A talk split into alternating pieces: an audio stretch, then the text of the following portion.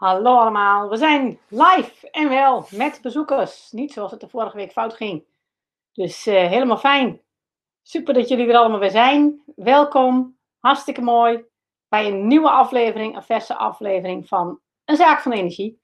En vandaag gaan we het hebben over de energie van zacht werken. En uh, we zijn met niet zo'n hele grote groep live luisteraars, wel weer een gezellig clubje. En ik zie nog steeds mensen binnenlopen. Maar doe je live mee, dan uh, uh, stel vooral je vragen in de chat, geen enkel punt. En uh, we gaan het vandaag hebben over de energie van zacht werken. Dat is iets waar ik eigenlijk heel veel over heb geschreven, programma's over heb, heel veel mensen coach. Maar in deze webinar-serie zat dat nog helemaal niet. En nu was ik vorige week bezig met het uh, voorbereiden van een mooi verhaal over zacht werken voor een groot bedrijf, waar ik een workshop-serie ga geven, online, met mensen van India tot aan Brazilië, VS, China, Europa. Helemaal cool. En toen dacht ik, hé, wat gek. Ik heb in deze uh, podcast, webinar-serie nog helemaal niet echt uh, serieus iets verteld over zacht werken en wat dat met je energie te maken heeft. Dus dat gaan we vandaag eens even goed maken. We gaan het vandaag lekker hebben over de energie van zacht werken. En voor de live luisteraars, ik zwaai nog even naar jullie. Hoi hoi. En dan doe ik de camera lekker uit. Dat is voor mezelf heerlijk rustig. En um, dan gaan we aan de slag. De energie van zacht werken. Voordat we aan de slag gaan, wil ik nog heel even testen of het nu wel goed gaat. Dus um, als één of twee van de live luisteraars even een yes of een hallo in de chat willen zetten, dan weet ik dat het allemaal werkt. In tegenstelling tot vorige week toen ik vrolijk, vrolijk aan de slag ging en jullie op mij bleven wachten. Volgens mij zou het nou moeten kloppen en werken. Ja, ik zie al een reactie van Esther, die zegt alles goed. Jantine zegt yes, mooi zo. Kijk, dan weet ik dat dat werkt nu. Helemaal goed. Nou, dan gaan we lekker aan de slag vandaag met de energie van zacht werken. Um, vragen stellen mag, gewoon in de live chat. We hadden een leuke ingediende vraag van Mark, daar ga ik ook op in. En um, luister je dit via de podcast en wil je live meedoen of je vragen indienen, meld je dan aan via www.zaakvanenergie.nl. Dan ontvang je van elke live uitzending vanzelf een mailtje. Ontvang je achteraf ook een uh, mailtje met de opname en een link naar de podcast. Um, maar wil je dat niet, dan kun je natuurlijk ook gewoon luisteren via YouTube, via Spotify, via de podcast app van Apple. En uh, via mijn eigen website www.zachtwerken.nl op de blog. Goed, we gaan lekker aan de slag.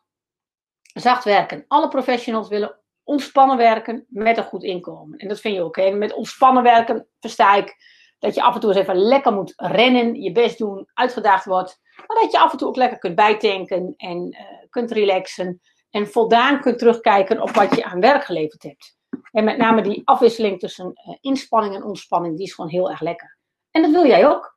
En jij wil ook graag goed verdienen, een goede oogst, hè, noemen we dat. En ook volop vrijheid, plezier, lol, hè, ruimte in je werk. Dat is gewoon ontzettend leuk. Maar dat gaat vandaag de dag niet altijd goed. Dat is eigenlijk een beetje raar, want we leven in de rijkste tijd ooit. Als je terugkijkt naar jouw voorvaderen en in de hele evolutielijn, dan is er eigenlijk niemand geweest van jouw voorvaderen die over zoveel middelen de beschikking had. En uh, ik vergelijk de, de bijstandsmoeders in Nederland. Ik zal niet zeggen dat die makkelijk hebben, maar die vergelijk ik wel graag met uh, bijvoorbeeld uh, de zonnekoning. Hè? Lodewijk XIV, een van de rijkste koningen uit Frankrijk destijds. Maar de zonnekoning, die heeft bijvoorbeeld um, heel lang last gehad van een absces in zijn kaak, een, gewoon kiespijn, dat zich ontwikkelde. Om, en dat durfde geen koning aan om hem te behandelen. Of geen, geen arts durfde het aan om hem dat tegen te behandelen. Dus hij had daar heel veel pijn in. En um, terwijl vandaag de dag, als een bijstandsmoeder zo'n tandpijn heeft, dan gaan we, tenminste in Nederland, naar de tandarts en die kan je daarbij helpen. En dan wil ik zeker niet zeggen dat bijstandsmoeders of mensen met een laag inkomen het makkelijk hebben. Absoluut niet. En dat is een enorme schaarste waar je dan in leeft. En heb je verschrikkelijke uitdaging. Maar we beschikken wel over heel veel middelen, heel veel kennis, heel veel wijsheid. En wij kunnen eenvoudig via onze smartphone of computer zien wat het weer deze week wordt, waar het over een uurtje gaat regenen. Ja, dat is echt een luxe. Die hadden onze voorouders niet. En toch ervaren wij een enorme werkstress. Werkstress is gewoon een steeds groter probleem. En we zijn dat, dat overbeladen ezeltje, wat haast niet meer zichtbaar is tussen de ladingen die hij moet dragen. En zo zwaar heeft, heeft hij het. En dat ervaren we zelf ook. Of um, we hebben ook mensen die niet zo druk zijn. Die zeggen van ja, weet je, ik heb wel tijd genoeg, maar um, ik verdien veel te weinig. Mensen met veel te laag inkomen uh, zeggen van ja, weet je, ik heb tijd, maar ik, ik verdien ook bijna niks. En ik ervaar dus veel stress vanwege een laag inkomen. Ik weet niet hoe ik mijn rekening moet betalen. Of, de professionals op kantoor die verdrinken in hun werk en bijna onder de formulieren stroom ten onder gaan tussen de rapporten. En dat is gewoon hartstikke jammer, want het kan ook anders. En um, het woord dat ik daarvoor letterlijk zelf heb bedacht, dat is zacht werken. Uh, het klinkt nu onvoorstelbaar, maar in 2013 bestond dat woord gewoon niet. Ik heb daar een, boek over geschreven. Dat boek ging in eerste instantie over tijd maken en hoe je zorgt dat je altijd tijd hebt. En tijdens het schrijven van dat boek bedacht ik de tegenstelling hard en zacht werken. En dat woord zacht werken bleek echt zo niet te bestaan, dat ik daar letterlijk mijn eigen trademark van kon maken. Dus dat dat nu mijn merknaam is geworden. En het was wel grappig, want bij het aanvragen van die tradenaam zei de jurist op een gegeven moment, die ik daarvoor inschakelde, die zei nou, dat kan niet, dat is een veel te gewoon woord, daar kun je geen trademark op aanvragen. Toen zei ik van nou, het is geen gewoon woord, want als je daarop googelt, vind je eigenlijk alleen maar mijn artikelen. Niemand gebruikt dat woord. Nou ja, dan moet je maar hopen dat degene die dat toekent ook zo denkt. En ik weet niet of dat wel gaat lukken. Nou, ik heb die aanvraag toch doorgezet. En uiteindelijk is zachtwerken letterlijk mijn trademerk geworden. Het een merknaam. Ehm, omdat dat woord op dat moment nog niet bestond. En op dit moment, hè, dat is, zie je ook dat is in, in zeven jaar enorm veranderd is. Werkdruk hè, en werkstress is een heel belangrijk issue in onze maatschappij geworden. Want ondanks alle rijkdom die we hebben, hebben we ook best heel veel armoede als het gaat om tijd, om aandacht, om ruimte voor elkaar, om mooie dingen doen. En dat kan gewoon anders. Je kunt um, in plaats van hard werken, kun je gaan zacht werken. Maar hoe zit dat nou precies? En dat zacht werken, dat, dat blijkt ook iets. Dat, dat is niet zo makkelijk om dat in één keer te doen. Dat is echt een, een weg, een pad dat je moet gaan ontdekken. En wat daarbij enorm lastig is, wat ik de afgelopen jaren heb ontdekt, is um, bij zacht werken gaat het om inner work. Is dus het werk um, in je voorhoofd, in je hoofd, in je mind. En dat is veel lastiger dan een kekke tool of een mooi gebouw of iets in de buitenwereld wat je kunt veranderen of vinden of aanschaffen. Het is veel makkelijker om die leuke nieuwe glimmende smartphone aan te schaffen en je dan heel uh, kek en hip te voelen, dan om jezelf aan de binnenkant te veranderen. En dat zie ik ook steeds weer bij zacht werken. Daarom speelt die bliksemafleiding daar ook zo'n grote rol. Want op het moment dat je dus aan je binnenkant wat wil gaan veranderen, dan is het vaak een groot probleem. En dan ga je veel liever naar andere wijze of opzoeken in de buitenwereld, dan dat je in je eigen binnenwereld wat verandert. Dus dat is echt een uitdaging bij zacht werken. Nou, wat wil ik vandaag in deze aflevering van Een Zaak van Energie doen?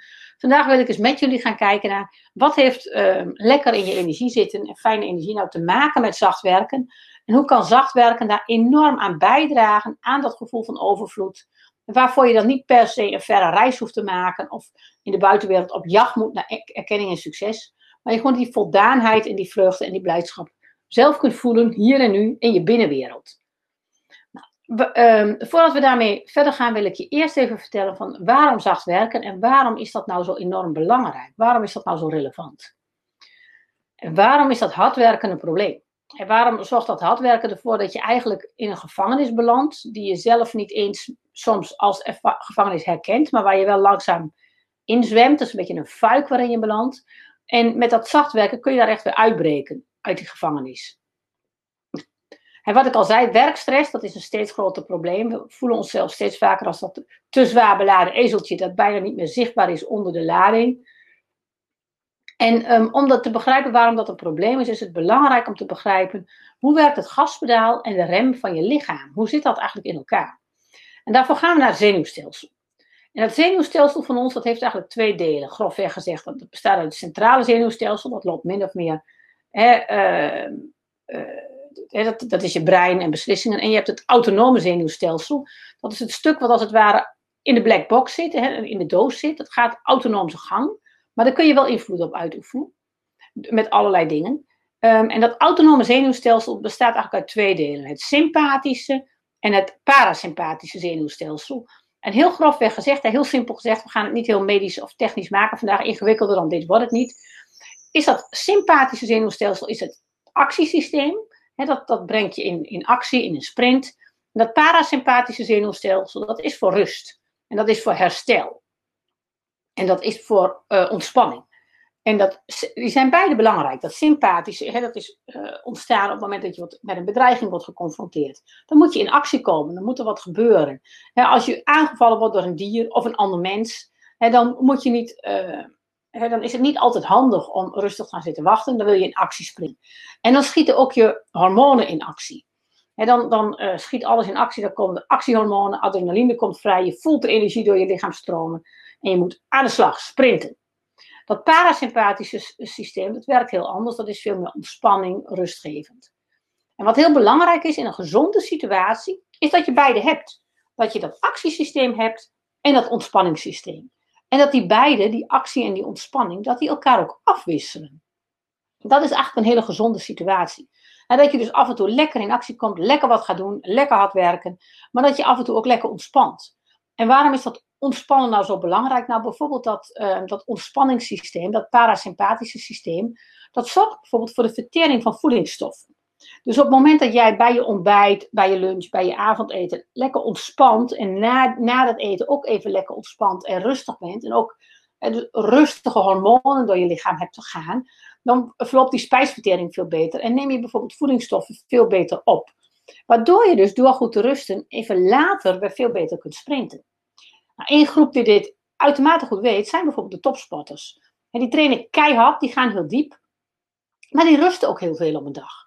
Juist om dat uh, parasympathische systeem ook voldoende aan te zetten, zodat ze herstellen, zodat ze rusten, zodat hun lichaam die kracht opbouwt. Die topsporters die weten, die zijn niet de hele dag aan het trainen. Die trainen en die rusten. En juist die afwisseling van training en rust maakt dat ze zo enorm krachtig en sterk worden. Um, dus heel belangrijk, puntje 1. Stress, spanning, actie is helemaal niet erg. Als je dat maar afwisselt met rust en ontspanning. En die twee systemen, dat, dat, dat stresssysteem en dat rustsysteem, dat is dus niet alleen wat je fysiek en met je hoofd doet en bedenkt, maar dat heeft ook te maken met allerlei hormonen die op gang komen en die dan soms ook langere tijd door je lichaam gaan. Het is niet zo als je nu even schrikt dat dat over 20 seconden weer weg is. Dat, dat duurt een poosje. Dus dat stresssysteem dat schakelt aan en dat duurt dan een poosje. En dat ontspanningssysteem dat duurt ook een poosje. En dat weet je vast wel van een drukke hectische werkdag. Als je zo uit een hectische vergadering schiet en je gaat de lunch in, dan kun je bijvoorbeeld na die lunch een beetje slaperig of loom worden. Soms is dat gewoon omdat je de verkeerde dingen hebt gegeten tijdens de lunch, de verkeerde combinaties, uh, verkeerde voedingsstoffen hebt gehad waar je lichaam op subtiel niveau niet zo heel goed tegen kan. En wij denken bijvoorbeeld vaak bij glutenallergie uh, of intoleranties. Dat je dan enorm eczeem of diarree krijgt. Maar er zijn ook mensen die van gluten en granen alleen maar sloom en lui worden. of van zuivel of van suikers. En dus soms heeft die middagdip te maken met verkeerde lunch. Maar soms ook te maken met dat dat adrenalinesysteem aanstond. Dat dat ontspanningssysteem aanschiet. En dan is het ook helemaal niet zo realistisch om te verwachten dat je even een half uurtje luncht. En daarna weer volle bak aan de slag gaat, mentaal scherp, in een volgende vergadering. En waarin je onder vuur ligt en of vervelende gesprekken worden gevoerd. Terwijl als je dus een ontspannend overleg ingaat en met een team lol hebt, dan blijf je wat meer in die ontspannende modus en kan dat wel heel goed. Je ziet al een beetje, we gaan al een beetje naar onze werkdagen van waarom is dat, dat inspannen, ontspannen, waarom loopt dat mis? Stress, zei ik al, is prima als stress van korte duur is. Hier zie je een kudde rendieren op de vlucht. die worden aangevallen door een, prooidier of door een mens of iets. Zo'n kudde die ziet, hé, hey, daar is iets gevaarlijks, we gaan nu sprinten, we gaan rennen. En wat die dieren ook vaak doen, als ze dan uh, gesprint hebben of gerend hebben of opgejaagd zijn, dan kunnen ze daarna ook even gaan staan trillen en schudden. En bij een hond zie je dat ook wel eens als een hond uh, emotie heeft gehad, dan gaat hij bijvoorbeeld zich uitschudden of gapen. Dat zijn allemaal fysieke vormen van stress, letterlijk van je afschudden. Misschien heb je het zelf ook wel eens gehad, dat je een ongeluk had gehad, een klein aanrijding met de auto of de fiets. En dan uh, uh, moet je even heel erg rillen of bibberen of schudden. Hè, of soms even enorm huilen. En dat zijn allemaal mechanismen van het lichaam om die stress die je had op korte termijn van zich af te schudden. Hè, om die stress te verwerken. En dat is heel goed. Want daarmee gaat die stress en die spanning ook niet in je vastslaan. Terwijl je bijvoorbeeld ook mensen hebt die een aanrijding meemaken, daar um, he, onwaarschijnlijk onbewogen onder blijven. Maar die kunnen daar s'nachts wel nachtmerries of problemen mee krijgen. Omdat die stress dus niet verwerkt is, maar nog in je fysieke systeem zit. In je fysieke systeem dat nog moet verwerken. De stress, prima. Sprinten, schudden, rillen, trillen, uitrekken, gapen. Allemaal vormen om die stress van je af te schudden. En dan ben je het kwijt. en dan, um, op het moment dat die tijger uit zicht is, kom je weer tot rust. In dierendocumentaires he, van uh, de savanne kun je dat ook heel mooi zien als een kudde is opgejaagd, hoe zo'n kudde daarna tot rust komt. Maar in ons dagelijks leven hebben wij niet meer zoveel te maken met die gevaarlijke tijger. Wij hebben te maken met andere tijgers. Het zijn niet langer de fysieke tijgers, maar de tijgers anno nu, dat zijn onze takenlijsten die alsmaar niet af zijn. Onze overvolle agenda's. onze lijstjes met plannen en ideeën. En zelfs een bucketlist. Een bucketlist, dat klinkt heel sympathiek, van dat zijn alle leuke dingen die ik in dit leven nog een keer wil doen. Dat ervaren we tegenwoordig vaak als een takenlijst die we moeten afvinken. Ja, dat zorgt dus weer voor een vorm van het is niet af, het is niet klaar, ik moet nog wat. Waardoor dat ontspanningssysteem eigenlijk niet goed, goed kan aanschieten. omdat we dus zo'n continue stress hebben van takenlijsten en dingen die nog moeten, kan dat ontspanningssysteem eigenlijk niet goed op gang komen. En kunnen we dus helemaal niet goed ontspannen. Want die tijgers anno nu, die zijn er altijd. Die zijn er continu, die liggen continu op de, op, op de loer. En dan is het dus niet langer zo dat we even in de stress schieten en even sprinten en daarna ontspannen. Maar we houden dus continu die stress en die spanning van die tijgers, van die overvolle takenlijsten die op ons jagen. En uh, ja, dat is dus niet goed. En wat daar nog eens bovenop komt, is dat je dan ook als het ware fysiek verslaafd kunt raken aan adrenaline. Adrenaline, dat is die kick hè, van de deadline. Ik moet even de schouders eronder zetten. Ik moet hard aan de slag. Ik moet uh, even flink wat doen. En die adrenaline, die gaat heel verslavend werken. Want als je na die adrenalinepiek niet gaat ontspannen, dan ga je door in een volgende piek. En dan maak je een volgende kunstmatige piek en een volgende piek. En wat je dan, waar je dat bijvoorbeeld in merkt, is in je weekenden. Nou, als je dan zo'n week hebt van druk, druk, druk, stress, stress, stress, dan merk je soms dat je bijvoorbeeld op je zaterdag, hè, die eerste rustige dag in het weekend, dat je dan gewoon onrustig blijft. Dat je niet kunt afschakelen. Dat je opgejaagd blijft, dat je zeker steeds weer die impuls zoekt, steeds weer die, uh, die drukte om je heen wil, die stress om je heen wil. En dan ontstaat er dus ook echt fysiek een adrenalineverslaving. En dat voelt een tijdje wel lekker, want je hebt het gevoel dat je ertoe doet, dat je lekker hard werkt, dat je flink bezig bent. Maar er ontstaat echt een fysieke verslaving die je lichaam enorm kan uitputten zonder dat je het voelt. Omdat je door die adrenaline, um, daardoorheen, blijf je doorgaan en voel je veel minder. Je hebt dat misschien wel eens gemerkt als je een ongeluk hebt gehad of als je um, een blessure hebt gehad. Ik heb dat recent gehad, toen viel ik van mijn fiets. En ik kreeg mijn fietsstuur heel hard in mijn, uh, mijn ribben. Ik, uh, ik viel, ik zag het aankomen, dus ik deed keurig mijn handen voor mijn uh, hoofd. En ik, maakte, ik wilde een mooie Aikido valrol maken. Maar omdat ik mijn handen dus losliet van mijn fiets in de val en met mijn handen mijn val heel mooi brak, schot mijn stuur in mijn ribben. En dat deed verschrikkelijk pijn. Ik kreeg een verschrikkelijke klap van dat stuur in mijn ribben. Maar ik zat dus op de grond. Ik moest even een paar keer heel diep uitademen. Ik zei, zo, dat ging hard. En uh, er stopten allerlei mensen op straat. Gaat het wel met u? Wat is er gebeurd, mevrouw? Ik zei, nee, het gaat wel weer, joh. Dus uh, ik had mijn, uh, ik fietste in korte broek, dus ik had mijn knie geschaafd, mijn voet, want ik fietste op slippers. Ik had een spijkerjasje aan, dus mijn arm was goed gebleven, mijn hand lag een beetje open. Ik zei, nee, het gaat wel weer. Dus ik stapte op de fiets en ik ben doorgefietst. Want ik had toen die adrenalineklap gehad. Die adrenaline komt in één klap vrij en dan voel je pijn ook veel minder. Nou, ik ging lekker naar mijn kantoorhuisje, ik ging naar de middag zitten werken. En ik kwam eind van de middag overeind uit mijn stoel. En jeetje, wat is er met mijn ribben gebeurd? Het deed pijn. Heel veel meer pijn dan vlak na de val. Want die eerste uren, dat merk je ook wel als je een, een botbreuk hebt of iets anders, zo'n ernstige blessure, dan komt er veel adrenaline vrij. En dat dempt ook de pijn, waardoor je de pijn in eerste instantie niet zo voelt. Nou, datzelfde kan er gebeuren tijdens werkdagen. Op het moment dat je dus tijdens werkdagen heel erg in die adrenaline piek zit, kun je dus ook allerlei pijntjes minder voelen en daar dus aan voorbij hollen. En die pijntjes ga je wel voelen op het moment dat het dus weer rustiger wordt. Na de lunch, op zaterdag, in je weekend, als je op vakantie gaat. En dat zijn dan ook pronte momenten waarop al die opgekropte spanning en stress er alsnog uitkomt. En je bijvoorbeeld migraine krijgt, hoofdpijn, uh, griep.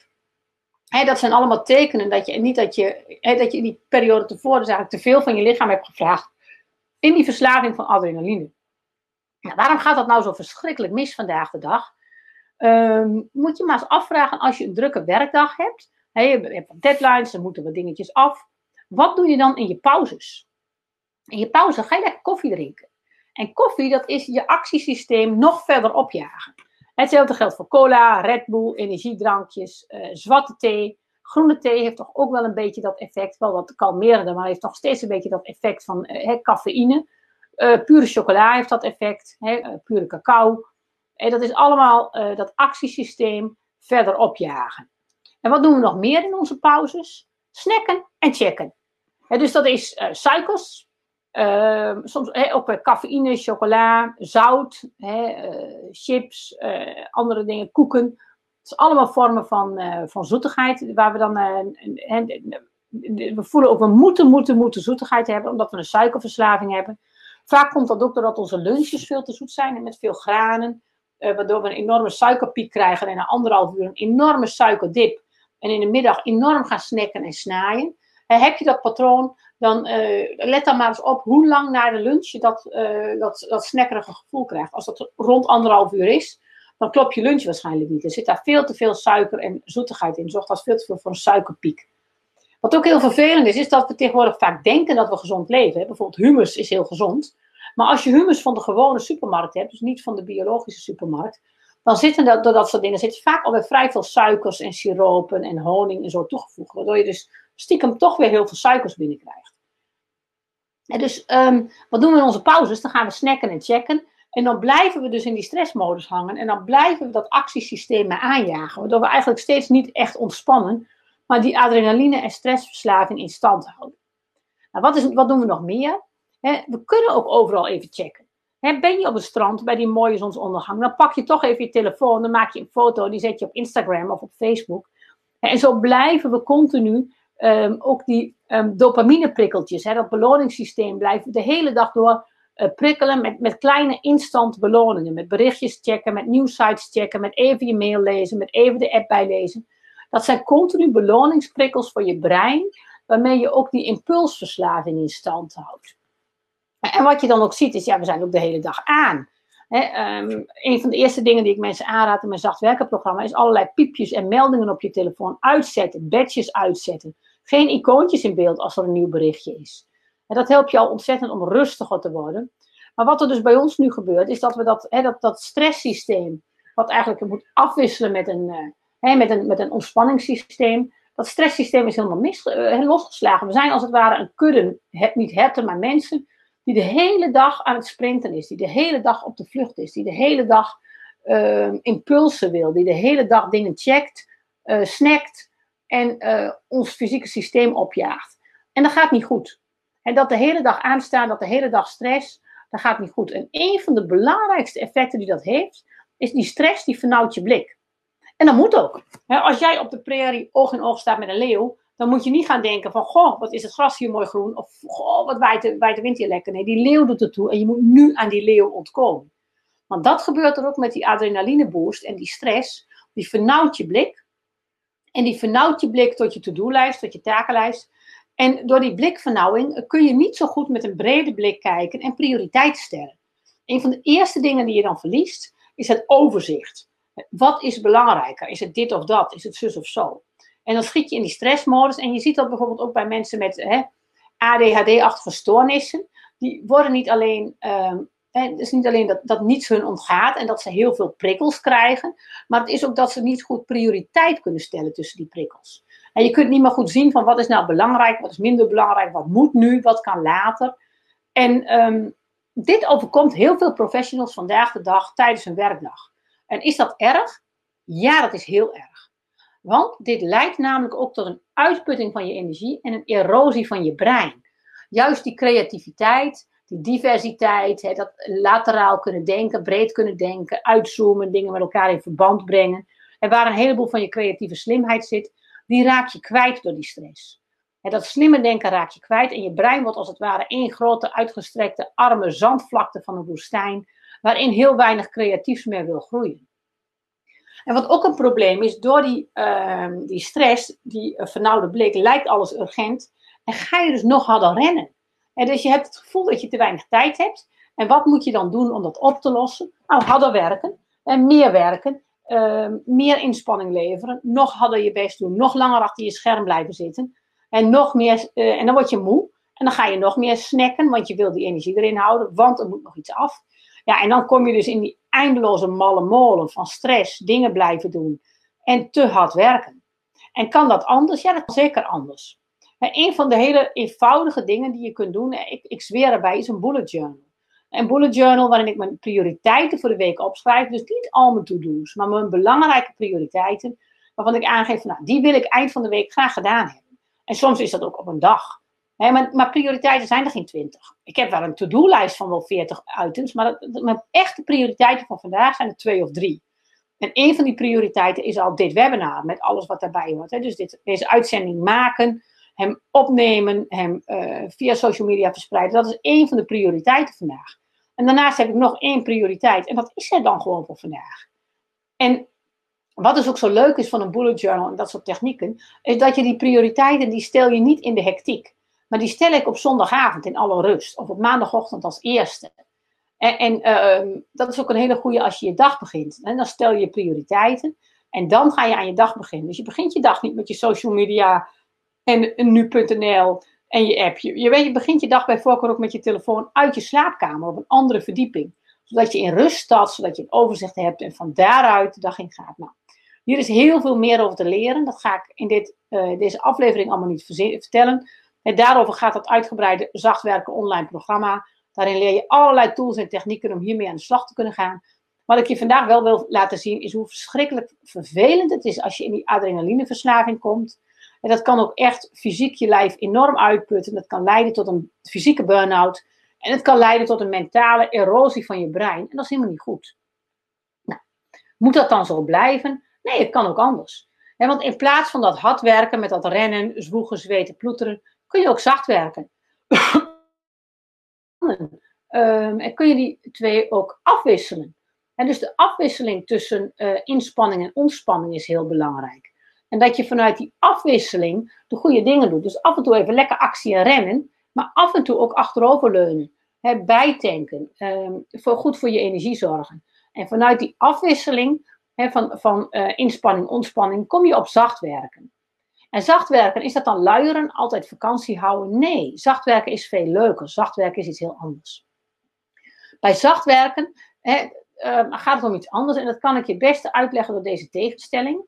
Aan de ene kant hebben we hard werken. Hè, daar, daar, daar, daaronder verstaan we dan vaak zwoegen, zweten, ploeteren, goed je best doen. Hè, en dan moet je succesvol worden, dus ook succes in de buitenwereld, hè, veel geld, aanzien, status. En dan mag je luieren en niksen. En dat luieren en niksen bestaat dan ook vaak van een deel uit verslavingsgedrag. Hè, koffie, roken, drinken. Um, en passief consumeren. He, bling bling, verre vakanties op een lui eiland in een all-in resort. En dit is ook heel vaak wat je in onze media en onze wereld zag als een soort van ideaalbeeld. Van je moet eerst hard werken om succesvol te worden met bling bling in de buitenwereld. Dan kun je luieren en niksen en dan mag je passief consumeren. Nou, het model wat ik daar tegenover wil zetten is het zacht werken model en dat is een heel ander model. En bij het zacht werken model dan um, dan kijk je niet naar uh, zwoegen, zweten, ploeteren, maar dan doe je je werk op een ontspannen manier. En dan ben je op een ontspannen manier met je werk bezig, uh, waarbij je inspanning en ontspanning lekker afwisselt. Dus je kunt echt vol sprinten, er vol mee gaan, voor gaan, zoals een topsporter. Omdat je daarna ook volop ontspant en herstelt. Je kunt op een ontspannen manier, heb je die brede blik. En je hebt niet die vernauwing van de stress waarin je je prioriteiten niet meer goed kunt stellen. Je hebt die brede blik. Vanuit die ontspanning kun je zien wat speelt kun je de goede prioriteiten stellen. Krijg je ook, uh, organiseer je ook het toeval. Hè? Speel je met je energie. Je zorgt ook goed voor je energie vanuit dat zacht werken. Het grappige is dat je dan in je vakanties wil je vaak helemaal niet luieren en niksen. Want je hebt namelijk werk wat het er doet, werk wat zin heeft, werk wat je leuk vindt. En dan wil je niet in je vakantie terug naar nul. Dat is negatiever. Dan wil je in je vakantie wil je ook zinvolle dingen doen en van het leven genieten. En, en mooie dingen in de wereld neerzetten. En dan heb je ook vaak helemaal niet meer zo zin in dat passief consumeren en bling bling en dat eindeloze shoppen op zaterdagmiddag. Dan merk je op een gegeven moment, weet genoeg is genoeg. Ik heb een paar mooie spijkerbroeken en fijne sneakers en dat is genoeg. Ik hoef er niet nog eentje bij. En dat hele um, um, consuminderen en Marie Kondo-achtig gebeuren, dat past hier ook heel, heel erg in. Want eh, ik vind dat heel mooi bij het Marie Kondo. Daar gaat er uiteindelijk niet om dat je dingen moet wegdoen. Het gaat er ook om dat je kijkt van, does it sparkle joy? Hè? Geeft me dit plezier? En als iets me geen plezier geeft, dan doe je dat weg uit je leven. Want dat blokkeert ook energie en die vrije doorstroom. Terwijl als je blij wordt van dingen en daar vrolijk van wordt en het geeft je energie, hè, je krijgt er plezier van, dan, hou, dan behoud je die dingen in je leven. Dus aan de zachtwerkenkant, daar staat niet het passief consumeren, maar daar staat het uh, bewust consumeren dingen aanschaffen waar je blij van wordt, daar goed voor zorgen. Ook zorgen dat die duurzaam geproduceerd worden, dat je er dan wat meer voor betaalt. voor je voeding, voor je kleding, voor je spullen. En zodat je ook met jouw aanschaf de goede economie stimuleert. de economie van overvloed, waarin anderen ook genoeg betaald krijgen. En waarin boeren een goede prijs krijgen voor hun producten, zodat ze ook goed voor het land kunnen zorgen. En dan ga je niet voor die kilo, knaller om de hoek of die allergoedkoopste uh, groente en fruit. Dan betaal je graag wat meer, zodat degene die dat produceert er, ook goed voor kan zorgen. En dan zie je ook dat er aan deze kant een hele andere economie ontstaat. Dat is die economie van creatieve overvloed scheppen. Elkaar wat gunnen. Het samen neerzetten, samen mooie dingen doen. En dat is heel anders dan die economie van eh, een puntje van de taart en mijn puntje gaat ten koste van het jouwe. Hè, dit is de economie van creatieve slimheid. Dat is zacht werken. En die creatieve slimheid, samen creatief overvloed scheppen. En samen mooie dingen maken, daar plezier in hebben en daar ook goed voor willen betalen. En dat is een hele andere manier van werken en denken dan dat hard werken vanuit die adrenalineverslaving, hè, waarin er altijd tekort is en je op jacht moet in de buitenwereld om daar meer buiten binnen te slepen. En bij zacht werken gaat het ook veel meer om die overvloed die je vindt in je binnenwereld. In plaats van dat je op jacht bent naar overvloed in de buitenwereld, vind je die overvloed in je binnenwereld. En daar vind je tevredenheid, voldoening, plezier, lol. En van daaruit ga je nog veel meer plezier en lol scheppen. En dan ga je ook niet moedeloos op een bankje voor het huis zitten en je afzetten tegen de wereld. Nee, je beweegt je midden in de wereld, omdat de wereld mooi en prachtig is. En omdat je daar heel veel plezier in hebt.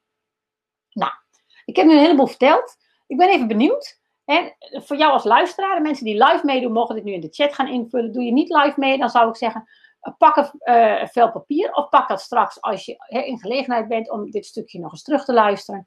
En vraag je dan eens af, wat is voor jou eigenlijk hard en zacht werken? wat, wat, houdt voor jou hard werken in? Dus ik ben heel benieuwd voor de, de, de live luisteraars. schrijf eens even in de chat, wat is voor jou hard werken? Wat doe je dan? op welke dagen, uren werk je hard? Wat doe je dan precies? En hoe voelt dat? Hoe voelt hard werken voor jou? en wat denk je dan? En bekijk als je hard aan het werken bent, wat voor gedachten gaan er dan door je hoofd heen? En denk ook eens van hoe voelt hard werken fysiek? Hoe voelt bijvoorbeeld je voorhoofd, je ogen, je nek, je schouders, je benen, je buik, je voeten, je vingers, je handen, je oren? alle lichaamsdelen kun je haast doorlopen als je hard werkt. Hoe voelt dat? Dus ik ben heel benieuwd, doe je live mee? Um, geef eens wat antwoorden in de chat. Hoe voelt hard werken voor jou, fysiek? Wat doe je dan? Wat ook interessant is om je af te vragen, is als jij hard aan het werk bent, wat merken anderen dan aan je? En wat merken andere mensen aan jou als jij hard aan het werk bent? En wat ervaar je zelf van binnen? In mijn geval bijvoorbeeld, toen ik nog een baan had, merkte ik op een gegeven moment dat ik op dinsdag heel vaak in hard werken verviel. Op maandag had ik nog de frisheid van het weekend, dan was ik lekker uitgerust. En dinsdag verviel ik heel vaak in hard werken. Dan dronk ik ook een extra beker koffie om mezelf door de dag te slepen. Dan ging ik smiddags ook al wat meer snacken. En ehm, hoe voelde ik me dan bijvoorbeeld fysiek? Dan voelde ik me fysiek eind van de middag vaak heel moe. Als ik dan, uh, mijn oudste was toen nog heel jong, toen ik die baan nog had. En uh, als ik hem dan ophaalde van de na school, we fietsen verder naar huis en ik had een beetje tegenwind, dan kreeg ik gewoon echt last van hongerklop. Dan kon mijn lichaam het niet meer goed trekken fysiek. En dan kwam ik soms bibberend en zwetend thuis van de honger. Dan moest ik eerst wat eten en bijkomen voordat ik kon gaan koken. Nou, dat was echt ultiem veel te hard gewerkt. Ook veel te veel cafeïne had ik dan gehad. Nou, wat anderen dan bijvoorbeeld aan mij merken als ik te hard werk, is dat ik heel erg taakgericht word. Ik word minder mensgericht, heel erg taakgericht. Dat heb ik van nature toch al wel, dat ik taakgericht ben. Maar dan uh, word ik ook mopperig. Het werk moet nu af. Ik word heel ongeduldig. Het moet allemaal nu, nu, nu. En ik ga harder rennen en ik blijf ook maar rennen. En wat ik zelf van binnen dan ervaar, is dat ik um, een gevoel heb van uh, dit moet nu af. En alles moet nu af. En dan blijf ik ook maar rennen, rennen, rennen om alles nu af te krijgen. Jantine zegt hierover bijvoorbeeld, ik heb jaren keihard gewerkt, zat een paar maal tegen een burn-out aan. Ik werkte toen voor een baas. Ik was heel vaak bezig anderen te tevreden te stellen. Brandjes blussen. Nou ja, Jantine, dus dat kan ook zo'n heel mooi hard werken signaal zijn. Dat je dus te veel bezig wordt met anderen tevreden stellen. En zoals ik dan te veel bezig word met taakgericht zijn. Ik schiet dan in de overdrive van taakgericht zijn en alles moet, moet, moet nu af. En het is dan ook niet meer een soort van prettig productief. Ik kan vanuit mijn taakgerichtheid kan ik ook heel prettig productief zijn. Dat ik de goede dingen doe, dat ik niks te veel doe. Hè, dat ik heerlijk lekker bezig ben. Als ik in die hard werken modus schiet, dan blijf ik maar doorgaan, ook met dingen als ik bijvoorbeeld voel dat het eigenlijk niet meer is. En dan maak ik er in mijn hard werken modus, maak ik er ook een corvée van. In mijn hard wordt het dan van, nou, ik moet dat doen en ik moet dat blijven doen. Ik moet drie keer per week naar Aikido. Ik moet elke dag bloggen. Ik moet. En als ik in mijn productieve modus zit, dan doe ik ook wel zo'n corvée, maar dan doe ik dat vaak voor kortere tijd. Dan zeg ik bijvoorbeeld, ik wil in deze zomervakantie een boek schrijven. Dat is ook dan al niet ik moet, is ik wil. en ik wil graag dat uh, boek schrijven, dus ik wil daar graag elke dag aan werken. Dat is wat anders dan als het een corvée wordt. Voor mij, voor mij is het gauw ik een corvée maak van elke dag iets moeten. Dat kan wel voor een 30 dagen test. Maar daarna moet ik het eigenlijk niet vanuit moeten doen, maar dan doe ik het vanuit willen. ik wil momenteel weinig cafeïne gebruiken. Ik wil geen suiker meer. Ik, ik, wil weinig granen eten. En dat vanuit dat willen voelt voor mij heel anders dan het moeten. Willen is voor mij absoluut zacht werken. En moeten is voor mij een hard werken. Margriet zegt, voor mij hard werken is spanning in mijn lijf. Vaak migraine. En het is ook de angst om niet goed genoeg te zijn. Werken zonder focus, hapsnap. Ja, precies. Hè? Dan ben je die focus raak je helemaal kwijt. Hè? En ze zegt, ehm, wat merken anderen aan? Mensen zien een gestreste vrouw die veel te snel praat, hyper is en niet echt contact maakt. Die vooral met zichzelf bezig is. Ja, hele mooie. Dat zie je ook vaak bij hardwerken. Dat je dat contact met de omgeving en met de ander kwijtraakt. En je bent veel met jezelf bezig, met je eigen prestaties. Ik wil de beste zijn, ik moet het af hebben. Wat zullen ze wel niet van mij denken? En hardwerken is vaak heel egocentrisch. En dan raak je die verbinding kwijt. En juist die verbinding is bij zachtwerken zo belangrijk. Die verbinding met je energie, met jezelf, met je ziel, met wat je in dit leven wil neerzetten. Maar ook met de mensen om je heen, met je geliefden, met je kinderen, met je collega's. En je ziet dus ook als je zacht werkt, dan werk je nog steeds. Maar dan werk je vanuit een veel krachtiger modus. Dus ik ben ook wel benieuwd, wat is voor jullie zacht werken? En voor de mensen die live meedoen, die zin hebben om te antwoorden, hoe ziet zacht werken er voor jullie uit? Ik merk als ik zacht werk, een zacht werkendag, dan word ik wakker zonder wekker. En dat hoeft helemaal niet per se laat te zijn, maar dan word ik wakker zonder wekker vanzelf. En dan heb ik ook zin om aan de dag te beginnen. Dan blijf ik ook niet nog uren liggen. Dan sta ik vrij snel op, kom ik uit bed en dan wandel ik naar zolder. Dan ga ik op mijn meditatiekussentje zitten en dan ga ik eerst een ademhalingsoefening doen en dan een tijdje mediteren, een kwartiertje of zo. Dan doe ik even een paar yoga-oefeningen. Wat, wat rekken en strekken, wat draaien. Dan wordt mijn rug heel lekker soepel. Soms doe ik een poosje de kopstand. Die vind ik heerlijk van de yoga. Nou, dan ga ik even koud douchen. Dat is voor mij een enorme tijdswinst, want ik uh, haat koud douchen. En dan ga ik niet eens met warm douchen daarvoor, want dan ga ik het koude douchen uitstellen. Dus dat is heel even koud onder de koude douche. En dan ben ik, uh, ik zie er elke ochtend weer tegenop, maar toch ben ik dan heerlijk energiek. En dat wil ik ook echt, dat koude douchen. Nou, een ideale dag zoals nu, dan kan ik lekker een korte broek en een makkelijk t-shirt aan. Dan wandel ik naar beneden en maak een lekkere bak fruit of een fruitshake. Ik contact met mijn, uh, mijn jongste. En als de oudste thuis is, ook met de oudste ligt dan vaak nog in bed met mijn man. Dan loop ik de tuin in op blote voeten. Dan maak ik even een rondje langs de groenten en de kruiden in de tuin. En dan zit ik met mijn bakje fruit. Zoals vanochtend pluk ik er een paar verse frambozen bij. Ga ik lekker op een randje in de tuin zitten, naar de, letterlijk naar de bloemetjes en de bijtjes kijken. Uh, dan schieten er acuut een paar leuke ideeën voor mijn werkdag door mijn hoofd. Dus dat prioriteiten stellen, overzicht. Ik krijg ook vaak wat nieuwe business ideeën. Van, goh, zo zou ik ook geld kunnen verdienen. Of, goh, dat zou ik ook nog wel eens kunnen gaan doen als werk. Die schrijf ik dan ook op in mijn bullet journal. Niet op mijn takenlijst. Het is niet als een to-do maar meer als een leuk idee wat ik even wil vastleggen. En vaak mixen al die losse leuke ideeën zich later wel een keer vanzelf tot iets wat precies klopt en past. Ik voel dan ook vaak van, oh dit losse idee, daar hoef ik nu nog niks mee. Ik mag het even opschrijven, ik hoef er nog niks mee, dat komt wel een keer. Dus een beetje als een zaadje wat ik plant. En als dat zaadje op in de goede voedingsbodem zit, dan komt het vanzelf wel op. Dan hoef ik daar niet heel veel aan te doen. Terwijl als ik in mijn hardwerkenmodus zit, dan maak ik datzelfde bakje fruit. Dan loop ik naar buiten met het idee van, ik moet nu een idee krijgen. Ik moet een inval krijgen. Ik heb geld nodig. Ik moet klanten hebben. Hoe moet het? Dat is heel grappig. Dan zit ik hetzelfde te doen, maar vanuit een hele opgefokte modus. Nou, die ontspannen modus is gewoon veel leuker. Dat is veel leuker, veel relaxter. Ehm, ja, en dan, ehm, het grappige is ook in die hardwerken modus, dan ben ik op jacht naar overvloed in de buitenwereld. En dan wil ik in de buitenwereld iets hebben of krijgen, hè, dan een idee of geld of klanten. En dan kan ik tevreden zijn. Terwijl als ik zacht werk, dan ervaar ik nu overvloed in mijn binnenwereld. En ehm, het mooie is dan, vanuit die overvloed in mijn binnenwereld, verzin ik allerlei leuke dingen die ik zou kunnen gaan doen, die me nog meer overvloed geven.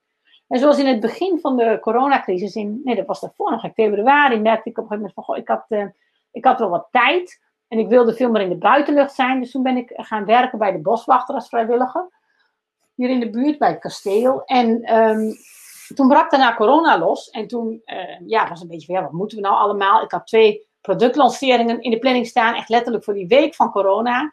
En ik voelde ook van, ja, daar heb ik nou helemaal geen zin in. En mijn klanten ook niet. Dat ga ik nu niet doen. Gaat niet gebeuren. ja, wat dan wel? Nu heb ik in één keer heel veel tijd. Ik mag niet naar buiten. Even, je kunt een boel dingen niet. Ik kan niet naar events. Ik kan niet uh, naar musea, andere dingen. Dus dan ben ik veel meer bij de boswachter gaan werken. En dus in plaats van stress en moeten, was dat puur vanuit zacht werken. Van welke overvloed heb ik? Nou, ik heb tijd en energie over. En wat wil ik graag? Ik wil graag meer buiten zijn. Nou, vanuit die overvloed ga ik dan leuke dingen doen. Dan heb ik de afgelopen maanden heel veel buiten gewerkt. Dus mijn kracht enorm beter geworden, mijn lenigheid, mijn souplesse. Dus het grappige is dan dat je dan door je overvloed te delen met anderen, vanuit plezier en lol, krijg je zelf nog veel meer overvloed. En ga je nog veel meer ervaren van hè, het buitenwerken, het buitenleven. Heel veel geleerd, leuke dingen doen, met mooie mensen contact.